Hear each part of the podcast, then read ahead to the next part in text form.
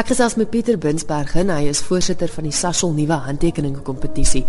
Pieter is een van die grootste kompetisies in Suid-Afrika en is een van die dae weer die sluitingsdatum. Vinnig net gou, dis die 24ste jaar wat Sasol die borg is. Maar hoe het die kompetisie destyds begin en wanneer? Die kompetisie het in die 1960s begin in Pretoria deur die Pretoria se kunsvereniging. Mense kon nasionaal inskryf vir die kompetisie, maar ons het gevind of hulle die vereniging het gevind destyds dat dit meer Pretoria kunstenaars in omliggende omgewing is wat inskryf vir die kompetisie en uh, toe nasionale borge aan boord gekom so Sasol wat die kompetisie landwyd gevat het dit nou een van die grootste kunskompetisies in die land is Presies wat is die doel van die kompetisie? Uh, ons vind meeste van die tyd dat jong kunstenaars en ons moet dit herdefinieer en ter, mense dink jong kunstenaars is youngsters.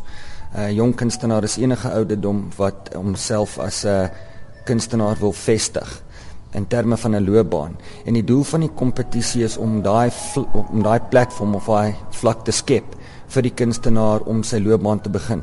Ek het al destyds gesê dat ek meer bekommerd is oor die kunstenaars wat inskryf wat nie in die top finaliste of die top 100 eindig nie want dit is vir my 'n learning curve. 'n Ou leer daaruit en net om 'n finalis te wees onder die top sê 100 um, is klaar belangrik vir die kunstenaar omdat dit dit onmiddellik in sy CV kan sit as finalis jaar X as hom nuwe handtekeninge. Kan iemand wat byvoorbeeld verlede jaar ingeskryf het en onder die 100 top 100 was, kan hulle weer vanjaar inskryf? Absoluut. Absoluut. Ons het pryswenners wat weer inskryf die volgende jaar. Ons algehele wenner kry nou 'n solo uitstalling geborg deur Sasol. Ehm um, maar enige merietepryse en enige mense wat in die, onder die top 100 is, is welkom om weer in te skryf elke jaar. En as mens kyk in die geskiedenis van die kompetisie, die ouens wat gewen het altyd, dis mense van wie mens bewus is daarna. Absoluut, ja. Dis 'n groot hupstoot vir hulle en dis ja. die doel van soos jy ja, genoem het. Ja, absoluut. Jy het nou gepraat van die feit dat die wenner 'n solo uitstalling hmm. kry, maar dis ook baie uh, nog 'n groot kontantprys wat daarbey betrokke is. Ja, wat ons gevind het was die die wenner ontvang R60000 die tweede plek R20000 en vyf merites op R5000. Maar wat ons gevoel het is dat daar so groot media hype is 'n paar weke voor die kompetisie en 'n paar weke na daarna in die media en in die pers. En dan verdwyn die wenner met R60000. En ons het gevoel as ons 'n platform skep vir 'n loopbaan het ons nou besluit dat die wenner terugkom die volgende jaar met die volgende jaar se kompetisie met 'n solo uitstalling dat ons daai platform in terme van media weer uh skep vir die volgende jaar vir die wenner sodat hy weer vir 'n tweede jaar in die limelight is en daai R60000 voel ons nou dat die kunstenaar moet gebruik om die uitstalling te befonds vir die volgende jaar. As 'n kunstenaar nou luister en dink, "Goed, ek wil inskryf." Ja, dis moeilik want maar waar begin mens? Het jy miskien dalk riglyne vir hulle van waarna soek jy hulle? Moet hulle anders wees noodwendig, ander mediums gebruik of of waarna kyk jy?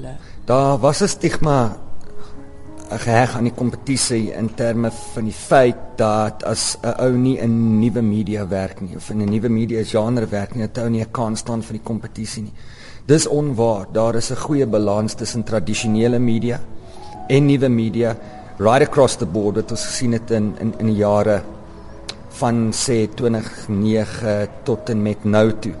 En waarna ons soek is werk wat praat uit die hart. Uh, wat kommentaar lewer, wat cutting edge is, wat nog steeds aan die elemente van kuns en die tegniese vaardighede voldoen. Maak nie saak in watter medium die kunstenaar besluit om te werk nie. Die sluitingsdatums? Die sluitingsdatums vir die inskrywings landwyd by die verskillende dispatchpunte is 2 en 3 Julie. So omtrent 4 uur op die 3de Julie maak al die punte landwyd hulle deure toe vir inskrywings. En wanneer kan ons verwag dat die wenner aangekondig gaan word? Wat gebeur is ons vertrek weer op 'n uh, landwye toer as dit noem met uh, regional judges wat ons dan gebruik uh, om die werk te selekteer.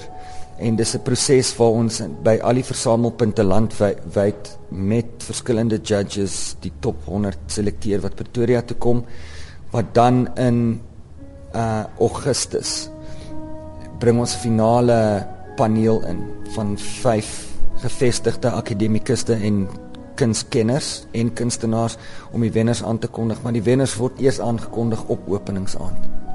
Wat starte met die kies van die wenner want soos ek elke jaar kan sien uit die top 100 is dit nogal 'n moeilike keuse om te maak. Ja, en dit vat 'n tydjie, dit vat 'n rukkie. Ek het in my inligting sessies die mense bewus gemaak van hoe die wenner aangekondig word dat dit op 'n op 'n puntesisteem werk en hoe ons te werk gaan om daai wenner te kies en baie mense dink kon stap net in en besluit dis nou die werk wat die kompetisie wen en dit is nie so nie dis 'n dis 'n pynlike proses wat ure neem en wat ons almal motiveer sodat die pers weet hoekom presies en die werk gewen het dat die dat die mense in die in die publiek weet presies hoekom die werk gewen het Vinnig net gou vir enige navraag.